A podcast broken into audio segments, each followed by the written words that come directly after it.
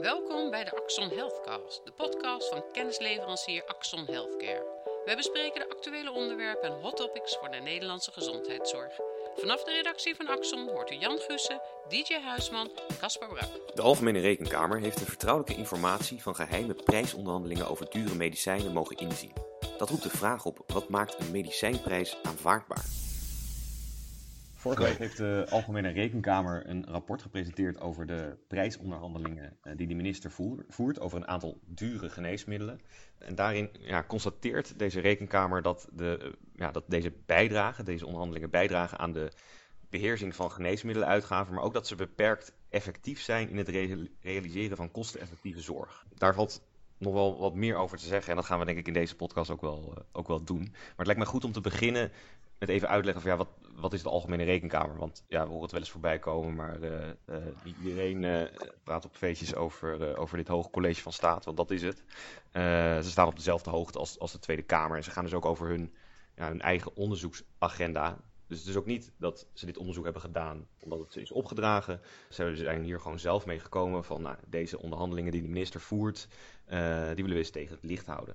Hebben ze daar ook een rol in, zeg maar, in ons democratisch uh, stelsel wat we hebben? In de zin van dat zij ook kijken in hoeverre het parlement in staat is om voldoende inzichtelijk dingen te kunnen controleren van beleid en dergelijke? Ja, dat, dat is inderdaad zeker uh, haar rol. Want de Rekenkamer kijkt ook of, of het overheidsgeld uh, rechtmatig en doelmatig besteed is. Dus ja, ook op, op, een goede manier. En ook volgens ja, hoe het is opgesteld.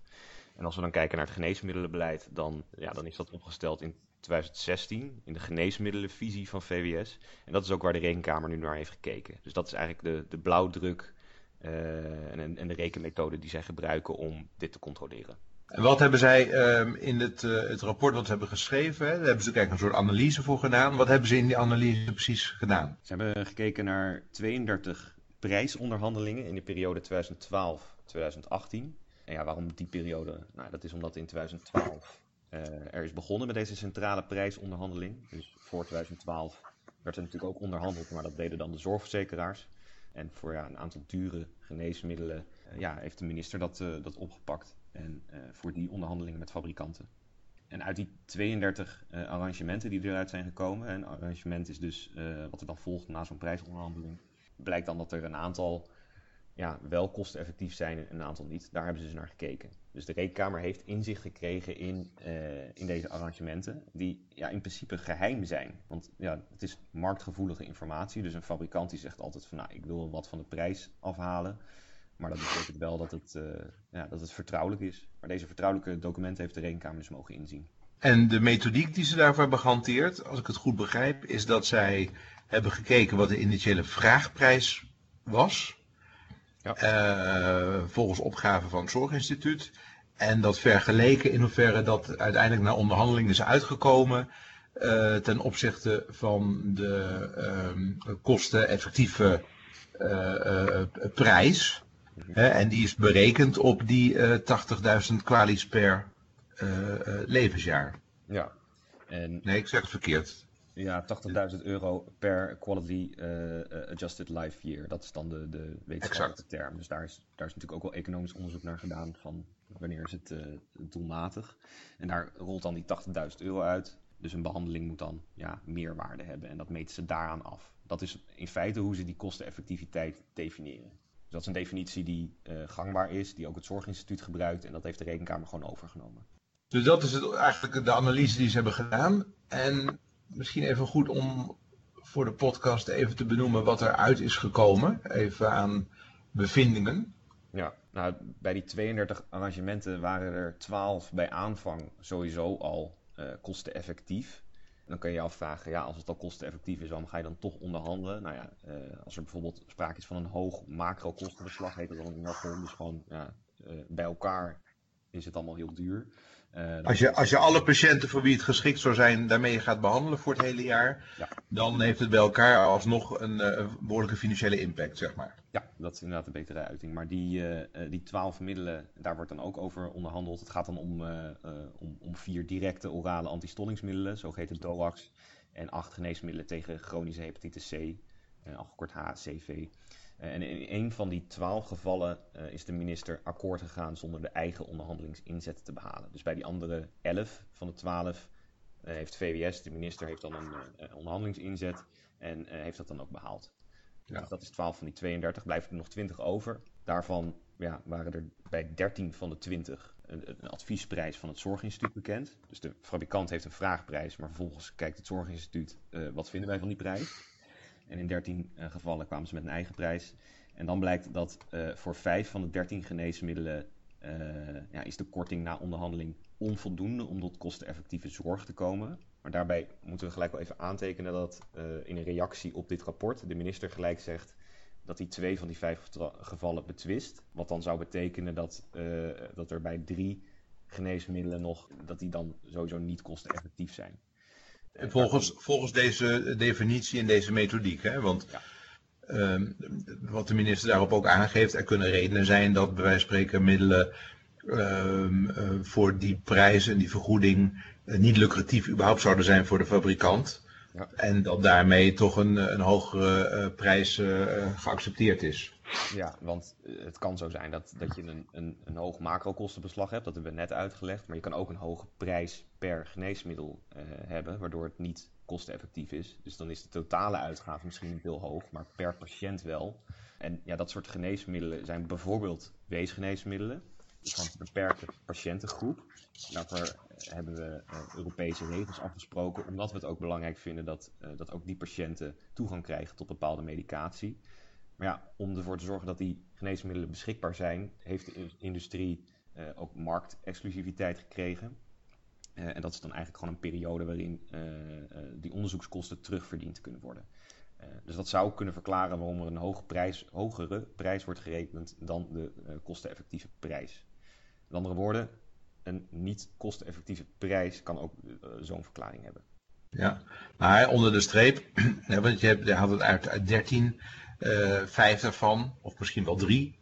Maar uh, eigenlijk als je naar de hele analyse kijkt, dan gaat het om 32 uh, onderhandelingen of besprekingen, waar uiteindelijk dan er vijf, en dan volgens de inmiddels afgetreden minister Bruins, drie mogelijk dan niet kosteneffectief zouden zijn.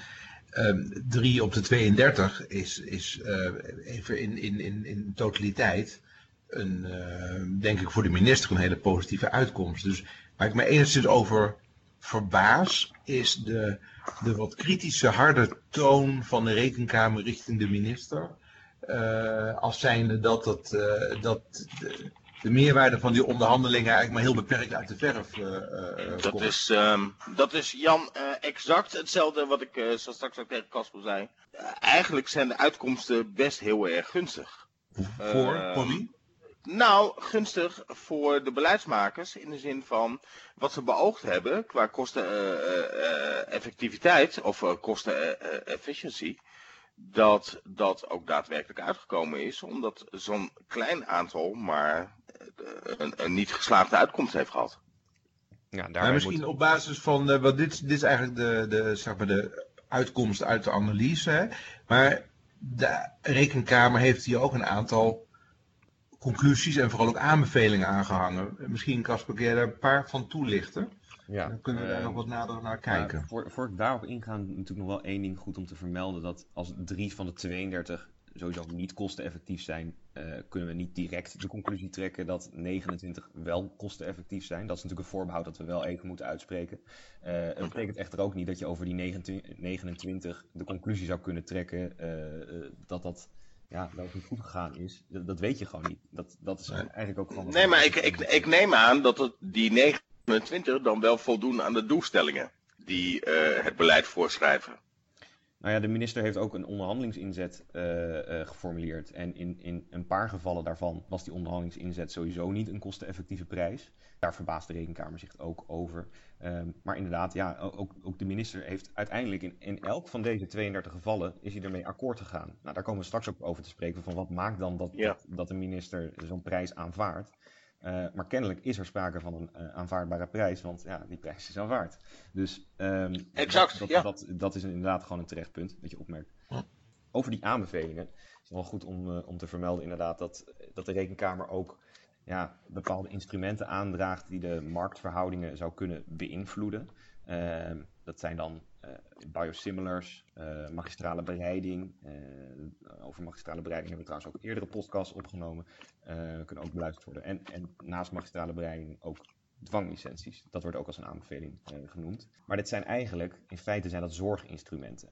En de minister wijst daar ook op van, nou ja, dergelijke instrumenten moeten dienend zijn aan het doel om patiënten toegang te geven tot voor hen noodzakelijke behandelingen. Maar dat betekent dus eigenlijk dat de minister tegen de rekenkamer zegt: ja, jullie bevelen nu al aan dat je zo'n uh, zorginstrument als economisch instrument moet inzetten. Maar ja, het moet wel echt een zorgdoel dienen. Dus het kan niet zo zijn dat dat een doel op zich is. Nou, dat doel op zich zien we ook terug bij eigenlijk de uiterste aanbeveling. Als, die uiterste aanbeveling is eigenlijk dat je nee zou moeten zeggen. En dat, dat is tot op heden nog niet gebeurd. Er is nog nooit een, een geneesmiddel geweigerd vanwege de prijs. Drie zaken zoals biosimilars, magistrale bereiding en dwanglicenties wil ik graag iets zeggen. Uh, allereerst, biosimilars. Je kunt niet zomaar patiënten overzetten op een biosimilar of een biosimilar naast een bestaand product zetten. Daar moet eerst onderzoek plaatsvinden. Het is niet voor niets een biosimilar, omdat het niet identiek is aan het uh, originele product. Dus ik, ik vind dat een, uh, daar, daar gaat deze aanbeveling een beetje mank. Magistrale bereiding, nou daar hebben wij inderdaad al vrij veel over gepubliceerd. En uh, niet in het minst in het licht van dat er een bepaalde wetgeving is die dat gewoon simpelweg niet toestaat. Nou, dwanglicenties, daar weet ik niet het fijne van, maar ik, kan me er iets bij voorstellen dat het alleen maar kan in uitzonderlijke situaties en niet alleen maar omdat een uh, geneesmiddel te duur is. Dus ja, ik vind de aanbevelingen vind ik daar een beetje, beetje gaan. Ik denk dat het goed is om te benaderen dat die aanbevelingen niet van de rekenkamer zelf komen, maar die zijn eigenlijk ook overgenomen, als ik het goed zeg, ook uit die geneesmiddelenvisie. En wat ze vooral ook zeggen van zorg voor voldoende samenhang. dus, uh, zorg dat uh, uh, feitelijk je prijsonderhandelingen, je centrale onderhandelingen, ook in voldoende samenhang zijn met de andere um, instrumenten uh, die, die je zelf uh, hanteert. En ja, het punt wat we, wat inderdaad wil maken is daarmee schaar je dat soort andere instrumenten ook meteen tot financiële instrumenten in plaats van zorginstrumenten. En daar loopt ja. een beetje de gedachtegang ook door elkaar. Ja. ja. Ja, en nog één opmerking over die, die dwanglicenties. Ook, ja, ook mij is niet bekend wat daar precies uh, de inzet van is. Dat ja, volgens mij ook nog op dit moment niemand bekend wat daar precies de mogelijkheden voor zijn. Uh, is ook zo omdat, omdat nu een commissie dat onderzoekt. Dus ja, ook daarop wil de minister niet vooruitlopen.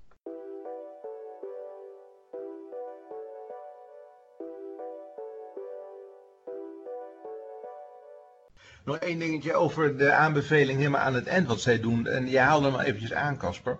Is dat de minister misschien uh, wat vaker uh, nee zou moeten zeggen op het moment dat er een, uh, een, een, onaantrekkelijk eindbod zou liggen. Hè? En, en, dat is natuurlijk best wel een, een, een interessante uitspraak.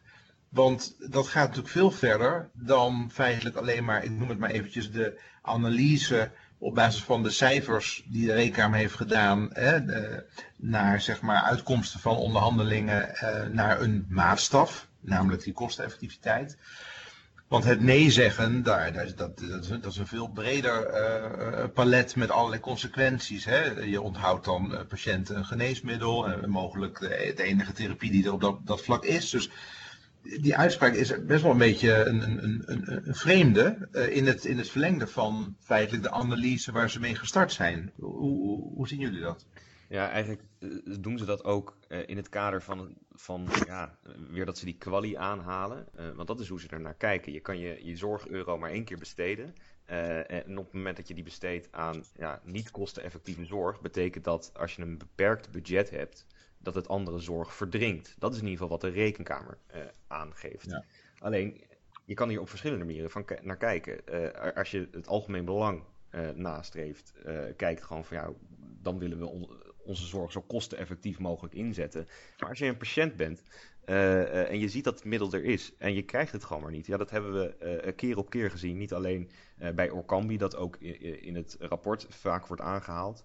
Dat is misschien ook wel een van de meest besproken onderhandelingen, omdat toenmalig minister Schippers het, het, meermaals geweigerd heeft. En pas op de laatste werkdag voor haar aftreden heeft ze alsnog besloten om het middel te vergoeden. Ehm, maar ja, dat is, dat is ook een schrikbeeld voor patiënten. Want ja, je bent ziek, je wil dat middel hebben. Uh, en dan wordt er nee gezegd. Dat is heel moeilijk te verkopen. Ja, maar het gaat, het, het, het gaat ook een beetje in, uh, tegen uh, sowieso de eet die artsen afleggen natuurlijk. Dat ze hun patiënten zo goed mogelijk willen behandelen.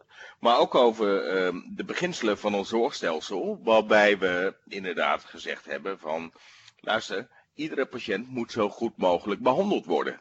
En als er een uh, behandelalternatief is wat in Nederland nog niet beschikbaar is, dan is dat natuurlijk heel erg pijnlijk. En dan, dan, dan komen dat soort acties daaruit voort.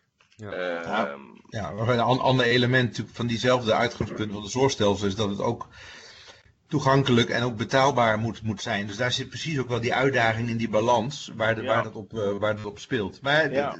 Maar eigenlijk, eigenlijk heb je het dan over een politieke afweging. Hè? Want je kan hier wel gaan zeggen van, nou ja, we pakken even de rekensom erbij en uh, we doen wat optellen en aftrekken en dan, dan komt er een, een, een check uit. Hè? Dan kunnen we het wel niet gaan vergoeden. Ja. Uh, maar je ziet dat het veel lastiger ligt uh, in de praktijk. Nou, misschien, misschien dat het het afwegen is van politieke bewegingen en, en ethische bewegingen in feite. Want in feite, als het zo is dat een bepaald middel beschikbaar is en een patiënt daarmee behandeld kan worden, ja, dan doet de prijs er eigenlijk niet zo heel veel meer toe. Als je, uh, uiteindelijk moet je het wel met z'n allen opbrengen. Dus je kan ook, ook niet onbeperkt altijd maar alles vragen. Nee, maar... Dat, dat, we zo ook eigenlijk dit rapport zouden kunnen lezen. Dat de rekenkamer in feite ook wijst op of het overheidsgeld na deze prijsonderhandelingen wel goed besteed wordt. En dat, daar hebben we gewoon geen inzicht in. Gewoon, we als Nederland heeft daar geen inzicht in. Want de Tweede Kamer heeft ook geen ja, inzicht in de criteria voor een aanvaardbare prijs. Dus de minister zegt, heel, zegt doodleuk dat het geen vrijbrief mag zijn voor excessieve prijzen. En dat ja, hij ook niet akkoord zal gaan met een ongunstig eindbod. Maar ja, wanneer is er een ongunstig eindbod? Ja. Waarom heeft de Rekenkamer, zij, zij mag zelf over haar agenda uh, beslissen daarin. Wat is de trigger voor hun geweest om, om, om deze analyse te gaan doen, dit onderwerp eruit te halen en uh, deze tijdsperiode te pakken. waarom speelt dit nu? Weten we dat? Ja, ze hebben, ze hebben het nu afgerond. En uh, volgens mij hebben ze er ook even over gedaan.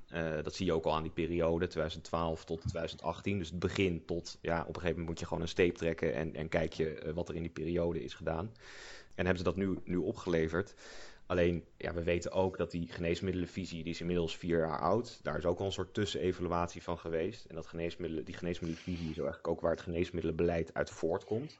Dat wordt binnenkort ook weer aangepast door VWS. Dus ja, dit wordt ook wel daarin uh, meegenomen. Dus het is ook wel logisch dat het nu komt als je het uh, ja. bekijkt. Kijk, en vanuit haar uh, rol, zeg maar, als rekenkamer, hè, een onafhankelijke positie, en dan eigenlijk tegen het licht houden, worden de gemeenschapsgelden wel doelmatig besteed? Hè? Eh, dat, dat, dat, is eigenlijk de vraag die erachter ligt. Bevreemdt het me enigszins een aantal aannames die eigenlijk door het hele rapport heen sijpelen, die je op, op ja, meerdere manieren kan, kan, kan lezen. En ergens kom ik er niet aan dat er een soort van, van, van, van framing is. Ik zal het hard maken wat ik bedoel. Bijvoorbeeld eh, de, de, stijging van de uh, geneesmiddeluitgaven intramuraal, die wordt eigenlijk in de context, zoals het beschreven wordt, eigenlijk direct gerelateerd aan de, aan de prijzen. En dat is niet zo. Tuurlijk zal het een rol spelen, maar ik denk ook zal in dat, in dat artikel aangeven, dat speelt natuurlijk met name de vergrijzing, waarmee een grotere zorgvraag. Er worden meer mensen behandeld, er komen meer indicaties, we kunnen beter en langer behandelen, et cetera. Dus je ziet dat afhankelijk van hoe je het leest, mensen al snel op een, op een, op een verkeerd been komen te staan. Hetzelfde geldt voor het verdringen van de zorg. De, de, de verdringing van de zorg wordt hier eigenlijk gerelateerd aan met name de impact die die groei van die geneesmiddeluitgaven hebben. Maar ja, wat wij ook aangeven is, ja, dat is niet de grootste uitgavenpost binnen, uh, binnen die medisch specialistische zorg. Uh, sterker nog, hè, dat, dat, de, met name de salarissen maakten meer dan de helft uit van, die, uh, van, van, dat kostenpalet. En groeit ook hard. Dus tuurlijk, het speelt allemaal een rol. Je moet het allemaal naast elkaar zien. Maar het, het, het, zou, wel, het zou wel sieren als men daar wat completer in is om ook te proberen de gemiddelde lezer ook dat complete plaatje zeg maar uh, te, ja, te snappen. Als ik daar even op in mag haken, we gaan steeds meer richting personalized medicine.